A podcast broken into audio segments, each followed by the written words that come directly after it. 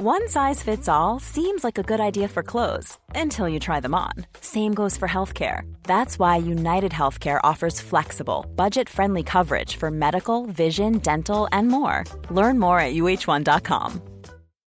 Millions of people have lost weight with personalized plans from Noom, like Evan, who can't stand salads and still lost 50 pounds. Salads, generally, for most people, are the easy button, right? For me, that wasn't an option. I never really was a salad guy. That's just not who I am. But Noom worked for me. Get your personalized plan today at Noom.com. Real Noom user compensated to provide their story. In four weeks, the typical Noom user can expect to lose one to two pounds per week. Individual results may vary. Ryan Reynolds here from Mint Mobile. With the price of just about everything going up during inflation, we thought we'd bring our prices down. So to help us, we brought in a reverse auctioneer, which is apparently a thing. Mint Mobile unlimited premium wireless. Ready to get 30, 30, bit to get 30, bit to get 20, 20, 20, bit to get 20, 20, bit to get 15, 15, 15, 15 just 15 bucks a month. So, Give it a try at mintmobile.com slash switch. $45 upfront for three months plus taxes and fees. Promo for new customers for limited time. Unlimited more than 40 gigabytes per month. Slows. Full terms at mintmobile.com.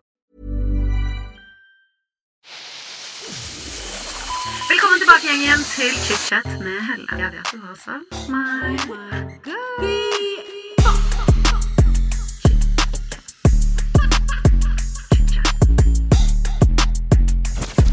I dag får jeg besøk av en av Norges største influensere. Det er selveste Sofie Elise. Og jeg gleder meg så mye til å snakke med Sofie i dag.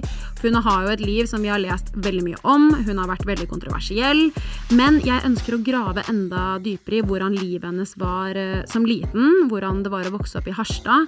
Og hvordan forholdet hennes er til både mor og søster, som hun ikke har snakket så mye om i media før.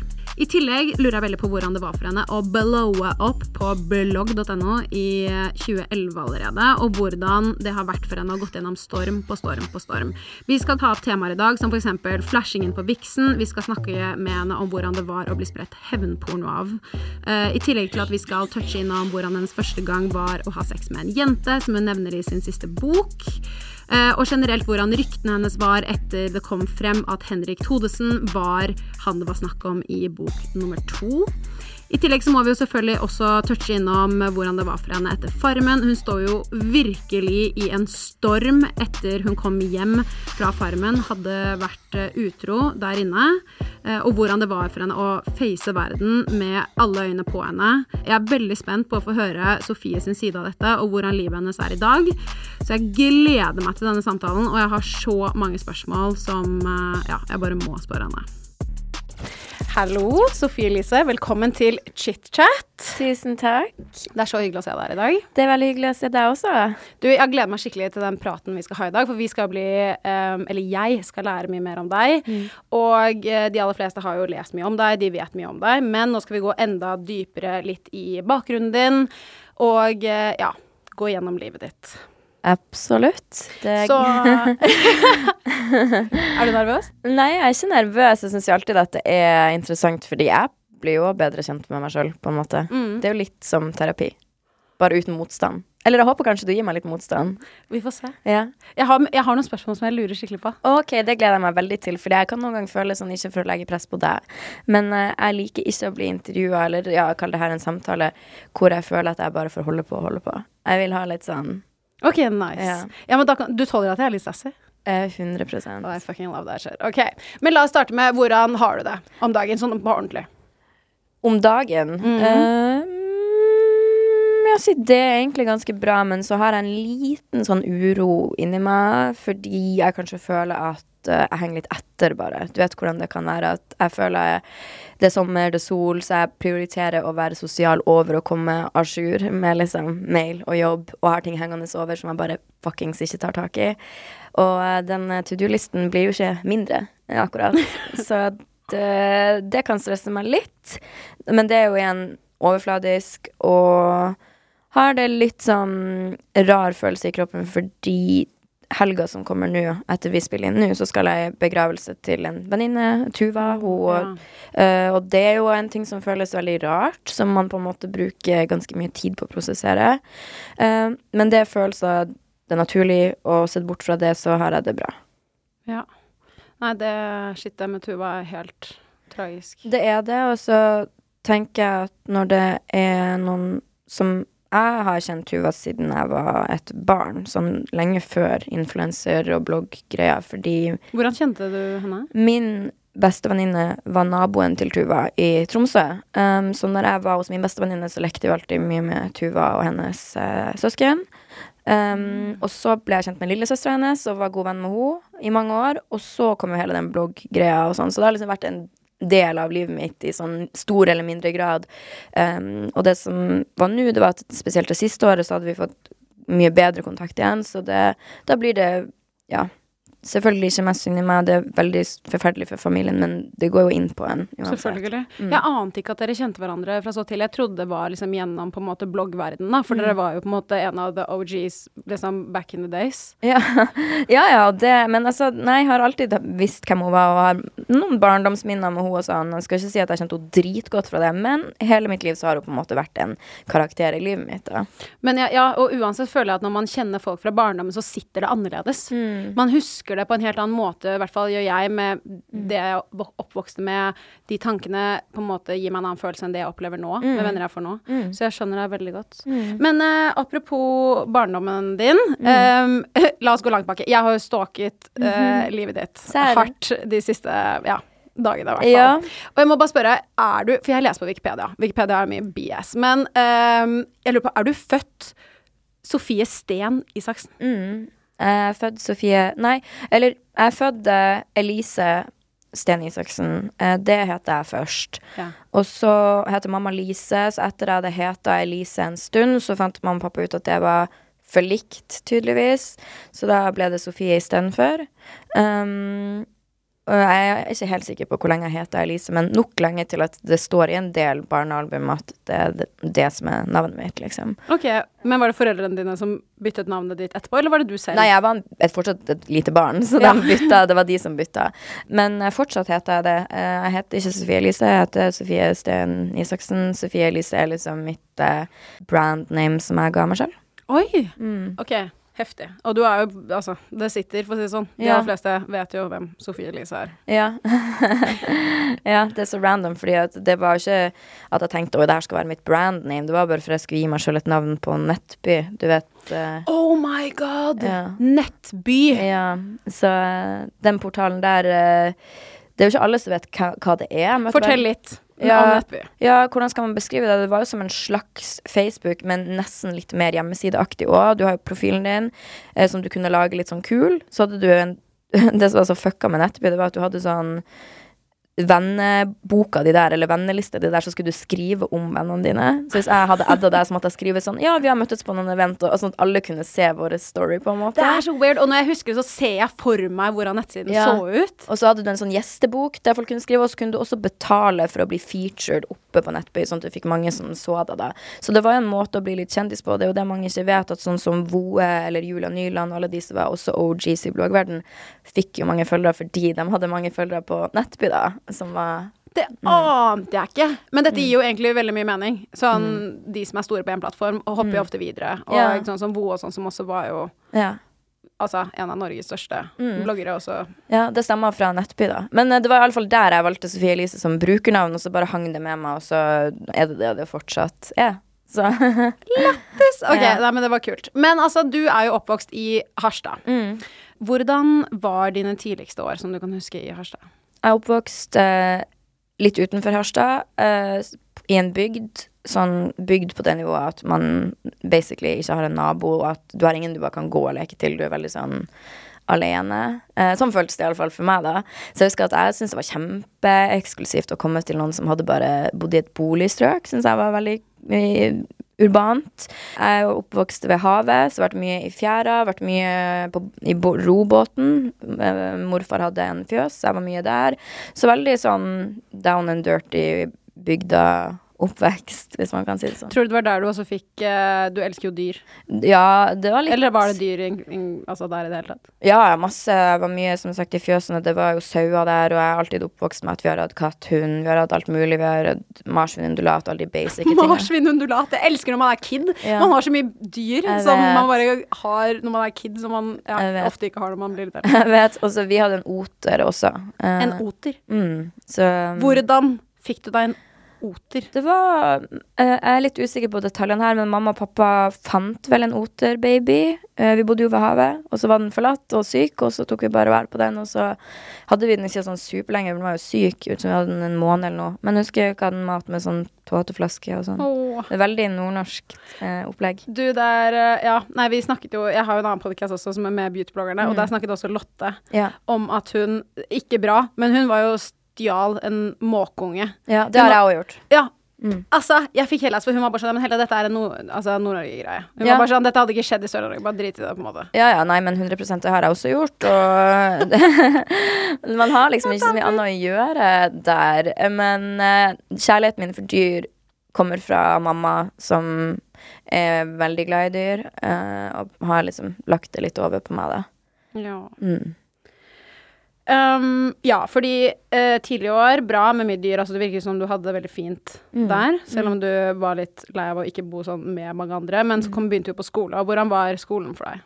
Um, jeg gikk jo så å si ikke i barnehage fordi at mamma var hjemmeværende uh, mor, så det for meg å komme på skolen var jo liksom litt av et uh, sjokk, på en måte.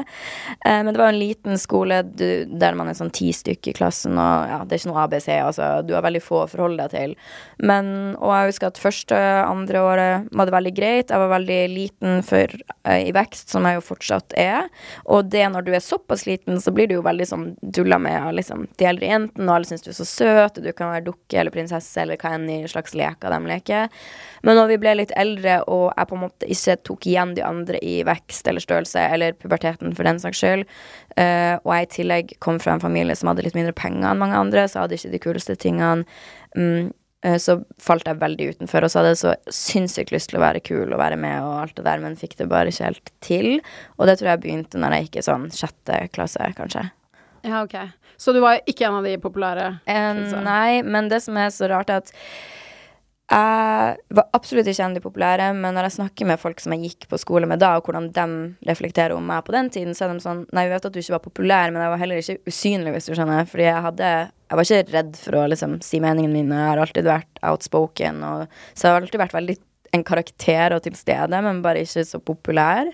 Så liksom Ja, hva man skal si, da. En litt usikker rebell, på en måte. Ja. Ja. Men husker du det som en god tid, eller var det litt mer utfordrende? Altså, nå husker jeg det jo som en god tid, fordi jeg tror man oppsummerer alt som bedre enn det det var, egentlig, når man Ja. ser tilbake. Man blokker ut det litt. Men jeg husker at nesten hver gang når sommerferien nærma seg slutt, så pleide jeg å sitte og gråte fordi at jeg grua meg så mye til å dra tilbake til skolen. Og den angsten det trigga i meg hver dag å skulle gå dit.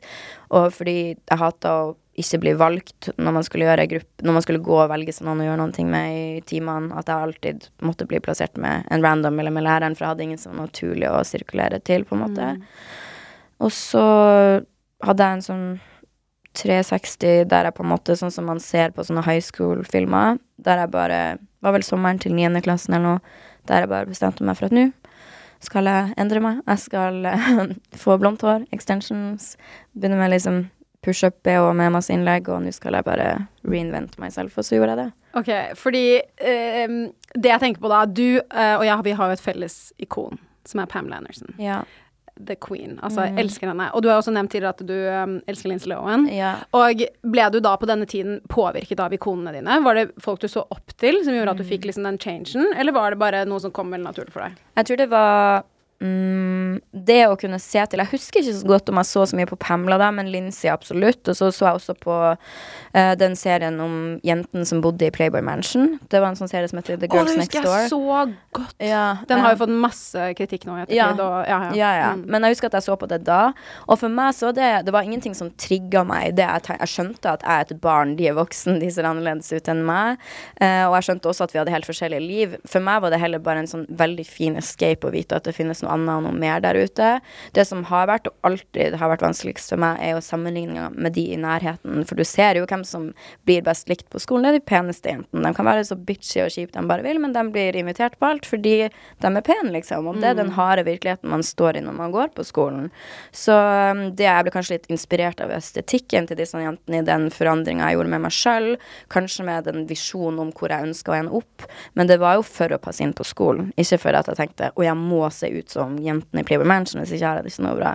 Det var jo for at medelevene mine skulle Men jeg skjønner deg sykt godt, fordi jeg også husker at det var sånn på min skole. òg. de peneste, de Ja, de var Fikk det til, da, for å si det sånn. Ja, men sånn er det jo dessverre. Altså, det jo det, jeg tenker at man kan skylde på veldig mye annet, det er mange faktorer som spiller inn, men dynamikkene i klasserommet tror jeg oftest er det viktigste eh, for hvordan man har det da, når man går på skolen. Ja. Nei, jeg husker selv mine år. De første, ja, i hvert fall fire årene. Jeg var så mobbet på barneskolen. Og det var ikke før jeg gikk i sånn sjette-syvende hvor jeg begynte å få litt flere venner. Da husker jeg jeg ble venn med hun peneste på skolen.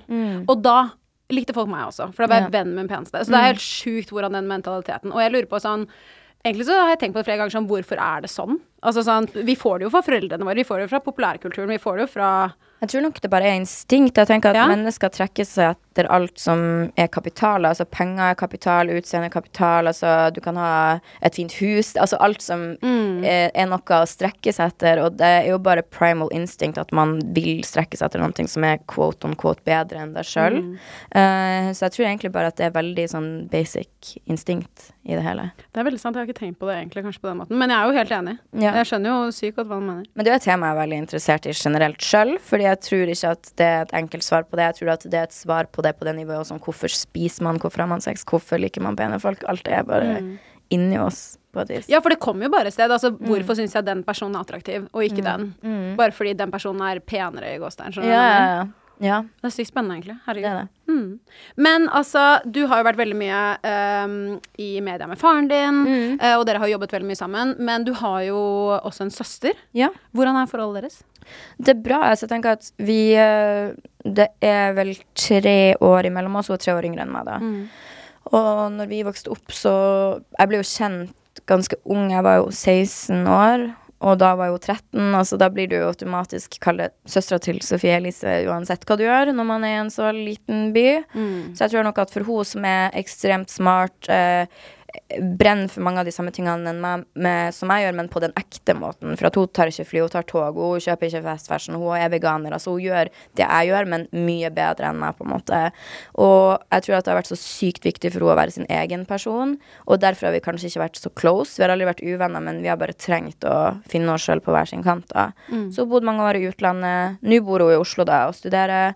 Um, men hun er liksom sånn de siste årene, og det kan sikkert mange kjenne seg igjen i, at når man blir voksen, så utjevner den aldersforskjellen seg veldig, og nå er det jo som om vi er like gamle, og ja, man er liksom bare venner, da, på en måte. Så- Nei, jeg merker det med min søster òg. Mm. Altså, jeg kunne ikke fordra trynet hennes halve livet mitt, nei. og nå er vi liksom så gode venner. Det er veldig rart hvordan det fungerer. Ja. Men eh, ja, og um, Så dere har fått et bedre forhold nå som Ja. dere flytter til Oslo, da? Og det er deilig, for jeg har egentlig venta på og vært spent på kommer den dagen der jeg og hun skal bli skikkelig close. Eh, men jeg kjenner at det holder liksom på å komme, for hun er en person jeg stoler veldig på. Og hun kan jo stole på meg absolutt. Uh, så det er noe helt unikt med et godt eh, søskenforhold. Mm, ja, absolutt. Du har jo også dedikert denne boken din til moren din. Eh, hvordan er forholdet ditt med henne? Det er også bra. Jeg har, hun er verdens uh, snilleste person. Jeg tror nok i familien min så er mamma den som kan irritere meg mest. Av en eller annen grunn. Hun er den som kan pushe på knappene mine uten at hun egentlig gjør noe galt. Det er bare sånn det er, på en måte. Men hun er verdens snilleste og så empatisk og bare et varmt menneske som Ja. Men jeg tror det som kan irritere meg med er at hun kan fort være litt sånn bekymra, da. Og da blir jeg sånn Åh, jeg er voksen. Altså, la meg finne ut, så går det bra. Og det er så rart hvordan mamma er sånn. Hun kan si egentlig noe hyggelig til meg, jeg skjønner så sykt godt, og så kan jeg bare ta det på en annen måte, bare fordi det er hun som sier det. Hadde en annen person sagt til det til meg som mamma sier, Ja. så hadde jeg ikke reagert eller svart på en litt sånn frekk eller bitchy måte. Men det er bare fordi at det kommer fra mamma. Jeg vet ikke hva det er. Jeg skjønner sykt godt hva Ja. du mener. Ja, ja. Men har hun valgt å ta et standpunkt litt sånn vekk fra media? Med tanke på faren din har vært så veldig mye med, men det er fordi dere har jobbet sammen nå, eller? Ja, hun har ikke noe interesse av å være i media, nei. Nei. Um, nei, absolutt ikke. Så derfor har det jo mer blitt pappa. Men han har jo veldig interesse av å være i media, så balanserer hverandre ut. Ja. ah, men du, um, du startet jo karrieren din med bloggen din. Så Ja. det var jo da you blew up. Når var det? 2011, og jeg var 16. Hadde akkurat blitt 16. Ja, fordi du og jeg, vi er nesten akkurat like gamle. Så det var jo da når vi gikk i første gym. Ja. Ja, jeg er faktisk eh, 18 dager eldre enn deg. ja. så. Og allerede rukket å vært gift og skilt og forlova igjen, og jeg har aldri blitt fridd til, så jeg må Du må se på gamet. Ja, jeg må det. Ah, men altså, det datinglivet ditt, det kommer vi til. Så okay, det okay. kommer masse av det senere. Først skal vi fortsette med litt blogg. Ja. Fordi bloggen din var jo helt sykt mye lest. Altså, Mhm. jeg husker at den var jo liksom det alle snakket om. Sosiale medier var jo ikke det samme som det er nei, nå i det hele tatt. Men altså, uh, hvor mange var det som leste bloggen din? Altså, det var vel mellom 50 til 100 000 unike mennesker per dag, som er veldig mye, for det er jo kun den aldersgruppen og, osv. Og så er det ikke alle som går inn hver dag, men jeg vil tippe at jeg kanskje hadde sånn 200 000-300 000 faste lesere da som Men er ikke det helt sinnssykt? Fordi på den tiden så var det jo ikke noe som ble lest fast, følte Nei. jeg, på nett på den måten. Nei, nei, nei, det var jo helt spinnvilt. Og så var det jo ingen i starten mediedekning om meg, så det var bare som om ingen andre enn akkurat vår aldersgruppe visste hvem jeg var, men var på en måte veldig dedikert inn i det, da. Så det var en sånn merkelig liten subkultur. Ja, fordi du var jo megakjendis Ja. for liksom kids, på en Ja. måte, og så visste på en måte ikke så mange foreldre om det. Nei, nei, nei. Nei, det var veldig rart. Fordi um, i 2014 Mm. så kom jo da første sesong med bloggerne. ja, Og du ga også ut din første singel. ja. Lionheart. Jeg får så cringe når vi sier det. Nei, fordi altså, det må du ikke, for jeg og Josie, som jobber på kontoret her, vi snakket om det i sted, at den er Det er ikonisk. Den sangen, ja. Eh, altså, fucking jeg kan ikke. Jeg er sånn som kan høre på den på vei til hyttetur med mine. Altså, virkelig. Ja, men du nevnte Lotte i stad, og driver alltid og sender meg snap når du hører på den sangen. Og sånn. um, jeg tenker at for akkurat vår aldersgruppe så er den litt ikonisk, for den representerer jo den tida. Men selvfølgelig for meg som avsender av den låta, så er det litt cringe. Men var det sånn at du ga ut låten med tanke på at du ønsket en musikkarriere? Jeg vet ikke, jeg tror jeg bare ble med. Altså, jeg har alltid likt å synge og skrive musikk spesielt. Jeg er ikke en sånn sceneartist, jeg er en studioartist. Jeg liker jo bare å skrive, og jeg forstår musikk. Eh, så det var mer bare et gøy prosjekt. Jeg har aldri hatt lyst til å bli en sanger eller en Nei, for du har jo sluppet ut en del sanger etter Ja, det også. Ja, og det har kun vært fordi at jeg liker å som sagt, skrive musikk. Jeg liker å være Ja. i studio, men jeg kunne aldri ha tenkt meg å gå på en Planning for your next trip? Elevate your travel style with Quince. Quince has all the jet setting essentials you'll want for your next getaway, like European linen, premium luggage options, buttery soft Italian leather bags, and so much more. And it's all priced at 50 to 80% less than similar brands. Plus, Quince only works with factories that use safe and ethical manufacturing practices. Pack your bags with high-quality essentials you'll be wearing for vacations to come with Quince. Go to quince.com/trip for free shipping and 365-day returns. Many of us have those stubborn pounds that seem impossible to lose, no matter how good we eat or how hard we work out. My solution is PlushCare. PlushCare is a leading telehealth provider with doctors who are there for you day and night to partner with you in your weight loss journey. They can prescribe FDA-approved weight loss medications like Wagovi and Zepbound for those who qualify. Plus, they accept most insurance plans. To get started, visit plushcare.com slash weight loss. That's plushcare.com slash weight loss. This is Paige, the co-host of Giggly Squad, and I want to tell you about a company that I've been loving, Olive and June. Olive and June gives you everything that you need for a salon quality manicure in one box. And if you break it down, it really comes out to $2 a manicure, which is absolutely insane. It's also so easy to get salon worthy nails at home with Olive and June. The difference between how your nails used to look when you did them yourself and now with the Manny system is a complete game changer. The best thing about Olive and June too is it's a quick dry. Dries in about one minute, lasts for five days, and full coverage in up to one to two coats. Visit oliveandjune.com slash perfectmanny20 for 20% off your first system. That's oliveandjune.com slash perfectmanny20 for 20% off your first system system. Scene, hvis du skjønner. Ok, men du er jo veldig flink til å skrive, og det kommer jo også i bøkene dine, Mm. som vi også skal snakke mye mer om. Men eh, jeg kan jo forstå at du da ble tiltrukket av på en måte det å gi ut sanger og sånne type ting, fordi man får ut så mye følelser. Ja, altså det, pappa eh, har jo spilt i band hele mitt liv, og har et veldig bra gehør, og eh, masse, jeg har vært masse i studio med han, og han kan produksjon og alt det der, så jeg har hatt det i meg hele veien. Jeg vet ikke, jeg bare, uansett hvor teit det høres ut, jeg forstår musikk. Det er enkelt for meg å lage en sang, det er enkelt for meg å lage en melodi. Melodi, og det syns jeg jo det er gøy å utforske litt, men det har kun vært et sånn overskuddsprosjekt fordi det er gøy. Ok, Men jeg syns ikke det er rart i det hele tatt. Noen mennesker bare har det jo. Ja. Og hvis du har det, så har du det. Og Ja. sånn som for eksempel noen mennesker kan jo være sånn få skrivesperre og ikke klare å gi ut en sang på mange, mange år. Og så har du andre som er sånn nei, jeg skrev en sang på veien på bussen. Mm. Ja, og sånn er det bare, føler jeg. Sånn er det. Noen har det anliggende, andre ikke, på en måte. Så jeg skjønner jo at du har utnyttet av det. Absolutt. Ja. Eh, men når du kom med i Bloggerne sesong én, Mhm. hvordan forandret det livet ditt?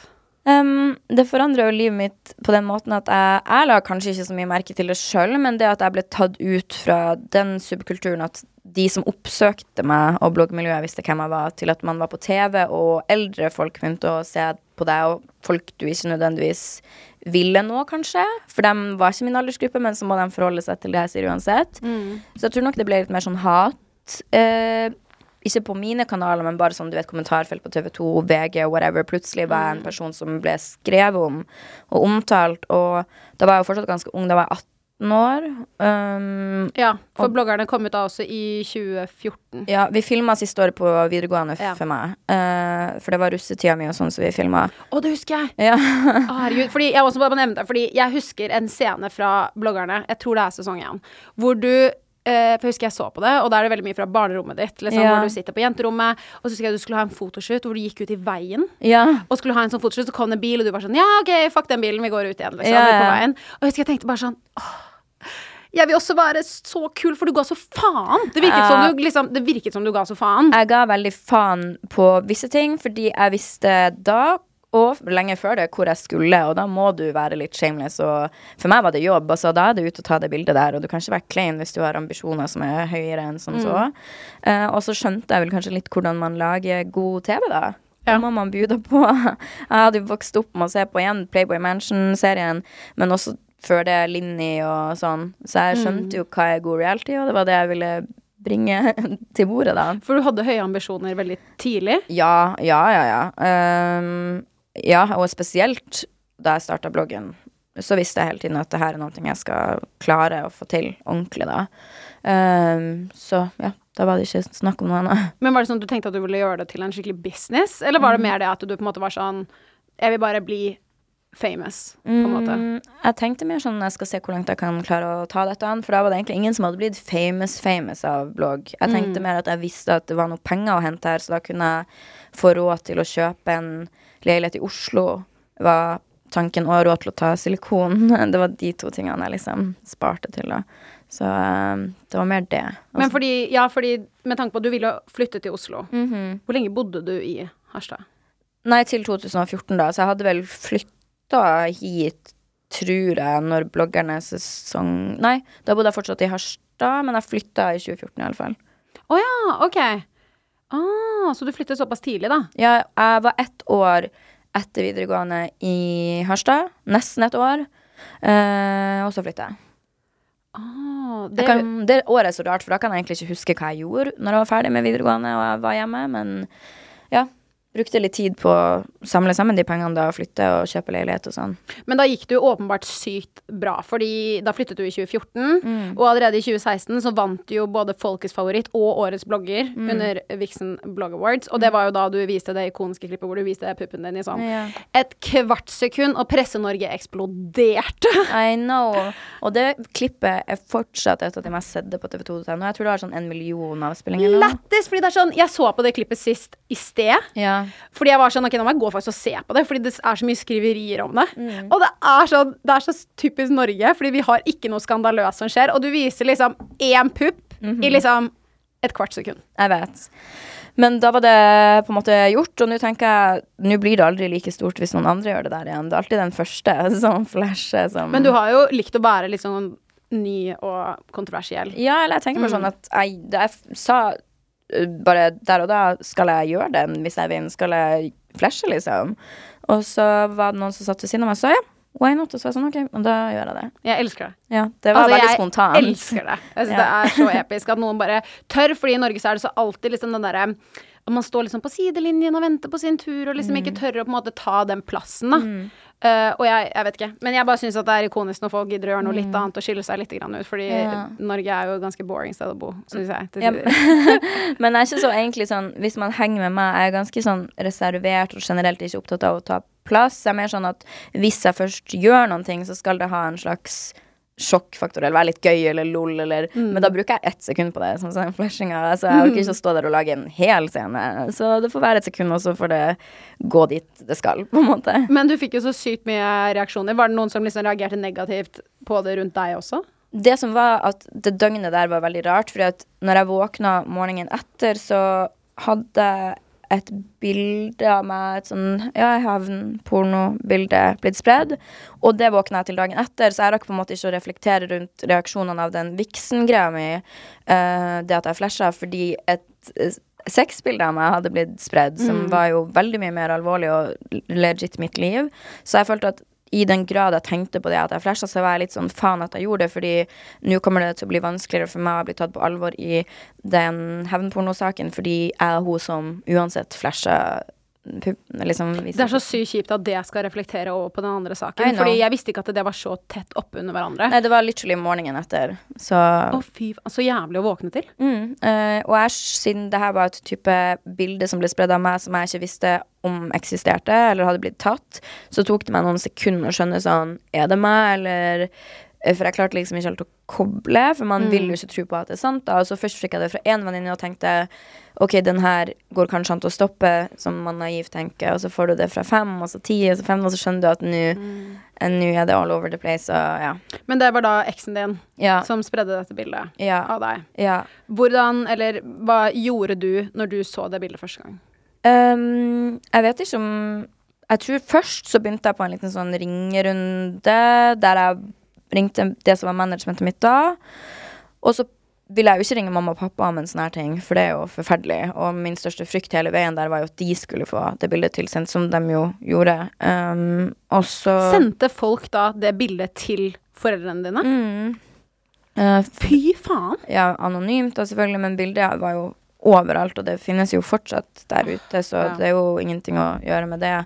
Um, jeg husker bare at jeg prøvde å på en måte spore fra dem som hadde fått det, hvor de hadde fått det, osv. Uh, men jeg skjønte jo at det var eksen min, fordi han er jo også på bildet. Jeg kjenner han jo igjen. Uh, så Nei, de dagene var bare, eller uken eller måneden, det endte jo med at jeg ikke fikk noe igjen for det. Uh, saken ble jo henlagt på bevis. For du anmeldte deg, ikke sant? Ja, anmeldte det, og så hadde politiet tok jo telefonen hans, og der fant de masse bevis på at han har sagt til folk uh, Ja, jeg sendte det jo bare til La oss si fem stykk, jeg husker ikke spesifikke, men at han har sagt svart på hvitt Jeg sendte det jo bare til fem stykk. Um, Så han innrømmet det til og med, at han faktisk hadde sendt det? Ja, ja, så- Og du fikk ingen oppreisning eller erstatning, Nei. selv om du anmeldte det? ja, for det var ikke bevis nok. Um, Hvordan Det gir ingen mening. Nei, jeg vet det. Og så um, ble bildet lagt ut på mannegruppa Ottar uh, offentlig, uh, og da anmeldte jeg det. Og da fikk jeg jo også ikke gjennom den anmeldelsen, så det jeg gjorde da, var at jeg navnga alle de personene som hadde spredd bilder av meg på bloggen, fordi at hvis noen søker, de skal søke jobb, så kommer det opp mitt innlegg, for det blir mye lest, sant? At de har delt et seksuelt bilde av en 19 år gammel jente som ikke ville det. Um, og da endte det opp med at jeg måtte betale erstatning til de mennene som jeg hadde delt navnet på, fordi at det var æreskrenkelse, da. Det er det sykeste. Mm, så jeg var den som endte opp som taper i denne saken.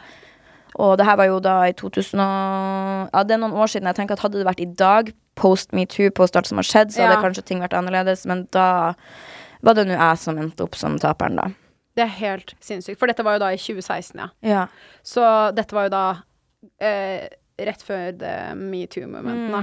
Mm. Men eh, ja, fordi jeg, jeg håper og tror at det hadde vært annerledes i dag. For det er jo helt sinnssykt at når han da har sendt dette bildet til fem personer, Mm. du har alle faktaene, Mhm. og så ender det med at du, fordi at du går ut med navnet til noen andre menn på den gruppen, altså at det, du må betale erstatning. Jeg syns det er helt sinnssykt. Men kom du opp i retten? Hadde du en rettssak med eksen din i court? Mm, jeg hadde uh, Jeg var i en rettssak mot han, men det handla om noe annet. Så det var sånn Jeg har vært i retten mot han, ja. Men Hva handlet det om, da? Det handla om at han hadde banka, eller da slått ned, en venninne av meg pluss en politimann.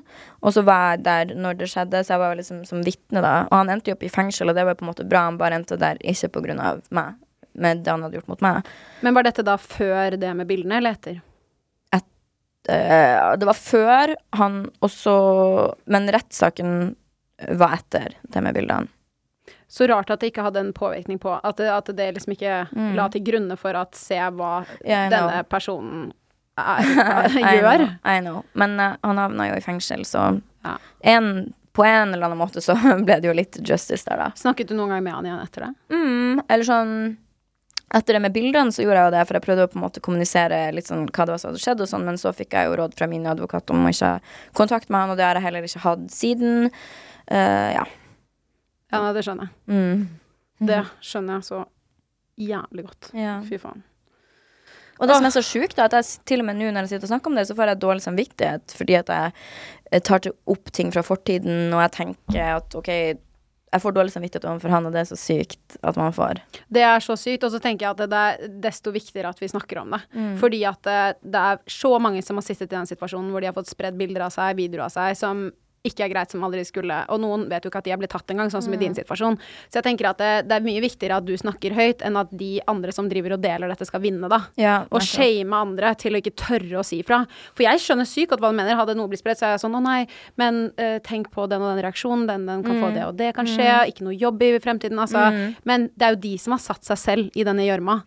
Så jeg tenker at de skal ikke bli beskyttet. Mm. I know. Ja. Absolutt. Men sånn i ettertid nå, vet du hva han gjør? Liksom, hvor er han? Nei, han øh, kontakter meg jo øh, fortsatt jevnlig. Jeg har jo blokka han, men han lager noen nye kontoer for å skrive til meg senest forrige uke, sikkert. Og øh, skriver ingen stygge ting, han skriver bare fine ting. Men så er det sånn, det der var et helt liv, siden jeg har ingen interesse av å ha deg i livet mitt. Og vi kjenner ikke hverandre lenger i det hele tatt. Altså, det kommer jeg til å bruke tiden min på. Um, men jeg kjørte forbi han på gata, det er vel to uker siden eller noe, og da tok jeg ned vinduet, så sa jeg sånn «Eh, Kom hit, og så sa jeg Drit i å sende meg meldinger, jeg vil aldri ha noe med det å gjøre. Sånn fuck you, jeg kommer aldri til å like det, jeg hadde, liksom. Så jeg bare Og det filma venninna mi, så det fikk hun lagt ut. Det Var det, føltes det litt deilig? Ja, det gjorde det. Ja, det, skjønner det skjønner jeg så godt. Men så weird at han driver og kontakter deg i det utgangspunktet. Ja, og det som er så fucka også, var sånn, Jeg har ikke jodel, men jeg får høre fra mine venner Det var at når den videoen ble lagt ut av at jeg kjefta på han, så får jeg hat på jodel igjen, skjønner du, som sier ja, jentas kan aldri vinne. Det er Kan ikke folk som hører på dette, bare se litt innover i seg selv hvis du har sittet på Jodel og pratet skit, fordi det er jo helt sinnssykt.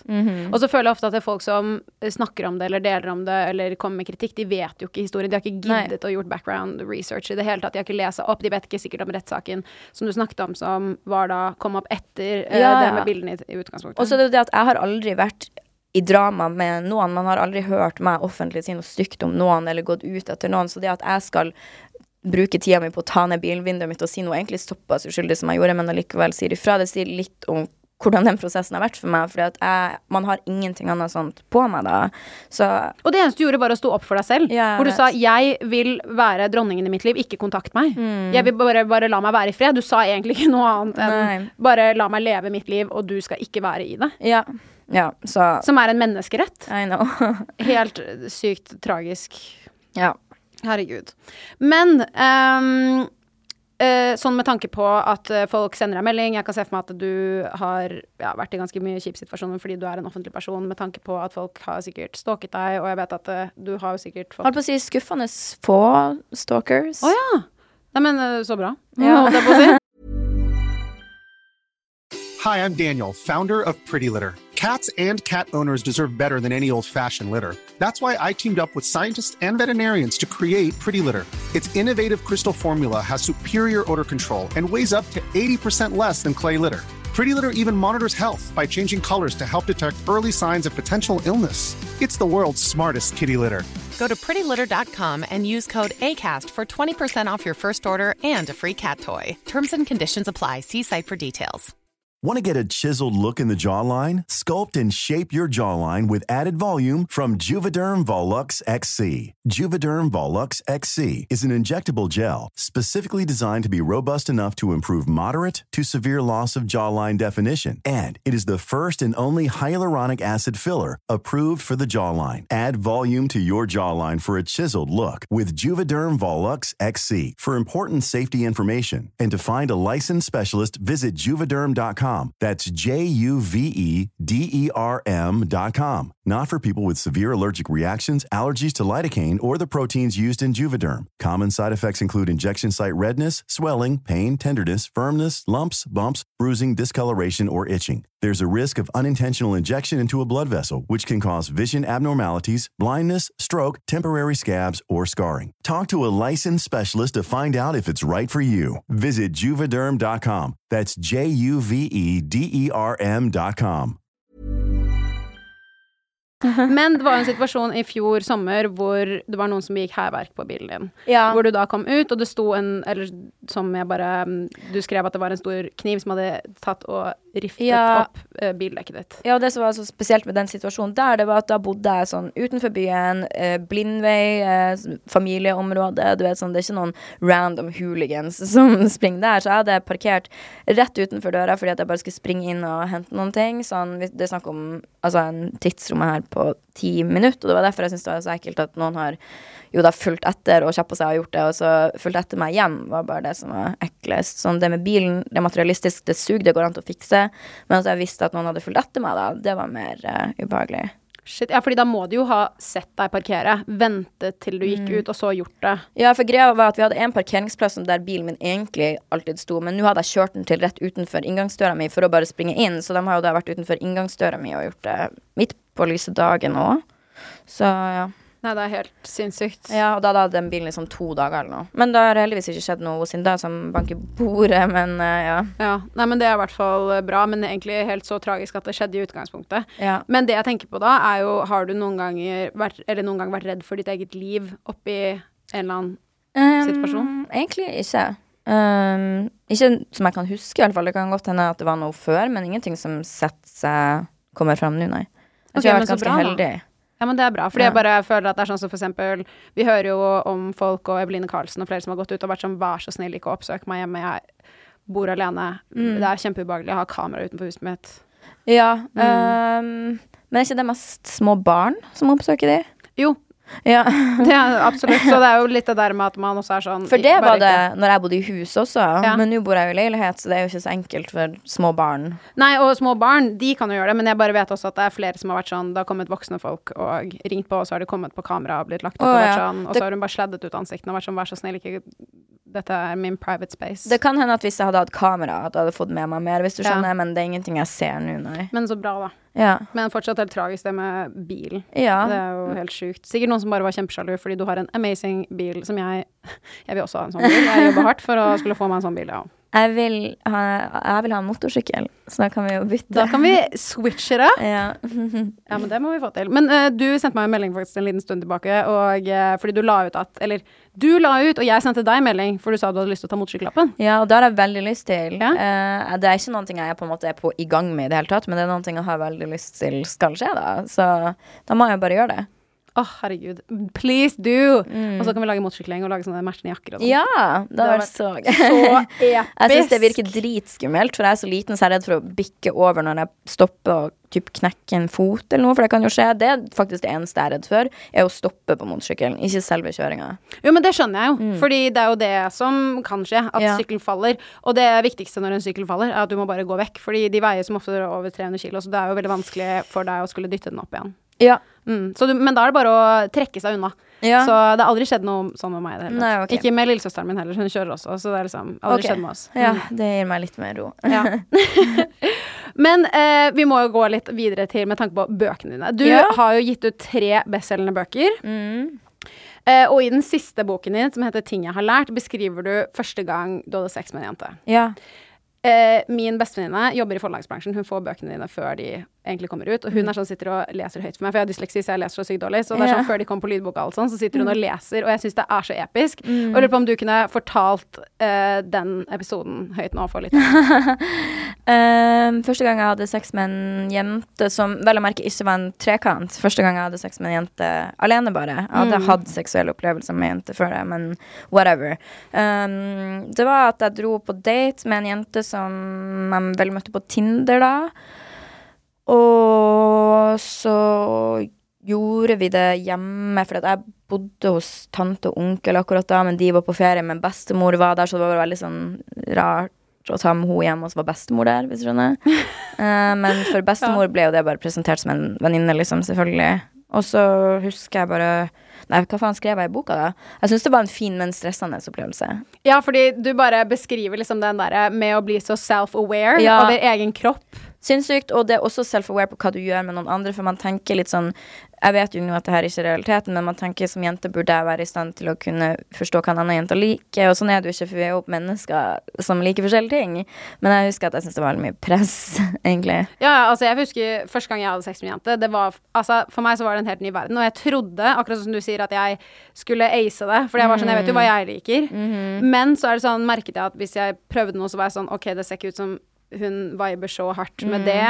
Uh, og så ble jeg så veldig sånn fordi uh, hun jeg hadde sex med, har, er så har så i, tilsynelatende i mine øyne perfekt kropp.